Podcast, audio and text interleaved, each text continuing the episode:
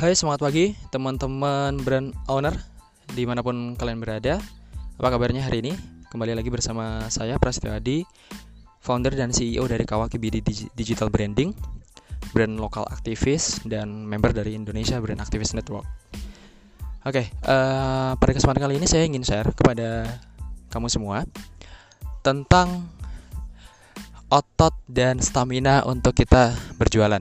Jadi teman-teman yang saat ini punya apa pun bisnisnya banyak sekali punya produk dan dari kita mungkin selama ini apa yang kita lakukan adalah berjualan. Jualan produknya orang atau jualan produknya sendiri.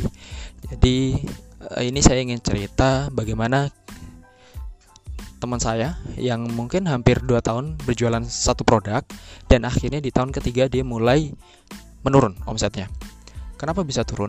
Ya, macam-macam gitu ya sebabnya. Salah satunya adalah ketika orang yang kita atau market kita kita terus juali dengan barang yang sama ataupun dengan cara yang sama, maka perlambat laun mereka akan bosen. Mereka akan mencoba memilih opsi yang lain. Jadi, ketika kita punya produk, kemudian fokus kita hanyalah berjualan, mencari customer baru, mencari customer baru, iklan di Facebook, bikin spanduk, sebar brosur dan sebagainya. Kita mungkin akan lupa bagaimana cara merawat customer yang sudah pernah datang ke tempat kita. Atau kita mungkin lupa bagaimana cara kita membangun image atau membangun brand produk yang lebih bagus dari sekedar jualan. Dan ketika Anda terus berjualan terus dengan copywriting yang bagus, dengan landing page dan sebagainya, maka customer akan melihat kita sebagai ya ini produk atau ini brandnya jualan terus nih kerjanya nggak pernah ada value lebih. Yang tahu hanyalah jual produk jual produk closing closing omset dan sebagainya. Dan di zaman yang saat ini sangat begitu terbuka di era digital yang begitu sangat terbuka banyak orang yang bisa sebenarnya mengakses dan tahu sebenarnya produk kita itu seperti apa. Dan dengan mudah membandingkannya dengan produk dari kompetitor kita oke? Okay? jadi uh, ketika kita hanya memberikan produk dan kita hanya masuk ke sisi uh, fungsional produk tersebut gitu ya lama-lama customer atau market akan bosan dan apa yang harus kita lakukan kita harus mulai merubah cara kita untuk berjualan produk dengan elegan. Seperti apa? Seperti kita mulai membangun brand kita, mulai melakukan edukasi market, mulai membuat konten yang baik, yang tidak hanya berjualan tapi membuat value yang lebih dan kita coba harus mulai masuk ke sisi emotional benefit. Jadi dalam sebuah brand kita harus memasukkan yang namanya emotional benefit dan functional benefit.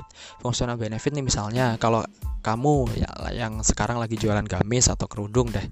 Uh, functional benefit gamis nih misalnya dia jahitannya rapi, kainnya menyerap keringat, tidak mudah panas dipakai ketika siang hari warnanya bagus dan sebagainya itu adalah fungsional benefit di mana uh, benefit itu akan diterima atau didapatkan oleh customer ya sesuai dengan apa yang kalian janjikan gitu. Kemudian yang kedua, kita juga harus memasukkan yang namanya emotional benefit. Emotional benefit ini berupa misalnya nih, ketika uh, kita punya produk gamis tadi, kita memasukkan nilai-nilai agama di dalamnya. Kita memasukkan atau melekatkan gamis tersebut dengan misi misi-misi sosial, misi keagamaan ataupun uh, gimana caranya untuk orang yang membeli gamis kita ini terkesan orang yang uh, berada atau yang menengah ke atas atau high end atau uh, jika kita, dia ada customer mem membeli gamis saya berarti dia merasa gengsinya naik nih. Dia bangga pakai gamis saya gitu kan.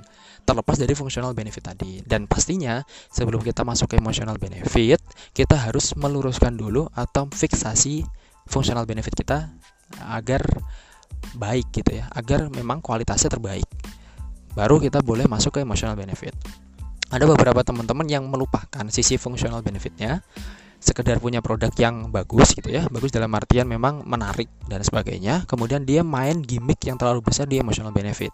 Menganggap seakan-akan ketika beli barang ini protnya atau sorry uh, gengsinya naik banget dan dia ketika beli barang ini menjadi orang yang sangat eksklusif. Ada seperti itu. Tapi kita harus uh, membuat balance. Kita harus membuat keseimbangan di mana uh, si functional benefit ini memang harus clear harus fix harus oke okay banget memang produknya baru kita masuk ke ranah emotional benefit. Jadi agar customer ketika membeli itu tidak kecewa dengan apa yang kita tawarkan. So teman-teman yang saat ini masih jualan terus yang dalam artian jualan fungsional benefit terus so kita coba masuk ke dalam emotional benefit.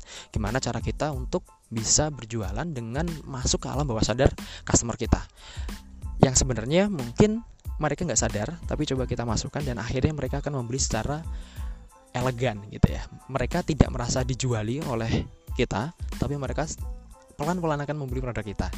Nah itu dulu yang bisa saya share. Jika ada yang ingin ditanyakan bisa kontak saya di Instagram prasetyo underscore adii atau mungkin uh, eh, DM di sana bisa atau mungkin hubungi WA saya 085 613 955 48 feel free buat diskusi buat tanya jawab atau uh, ngobrol terkait dengan brand, branding dan digital marketing. Oke, sekian dari saya. Terima kasih atas uh, perhatiannya. Salam sukses berkah berlimpah. Wassalamualaikum warahmatullahi wabarakatuh.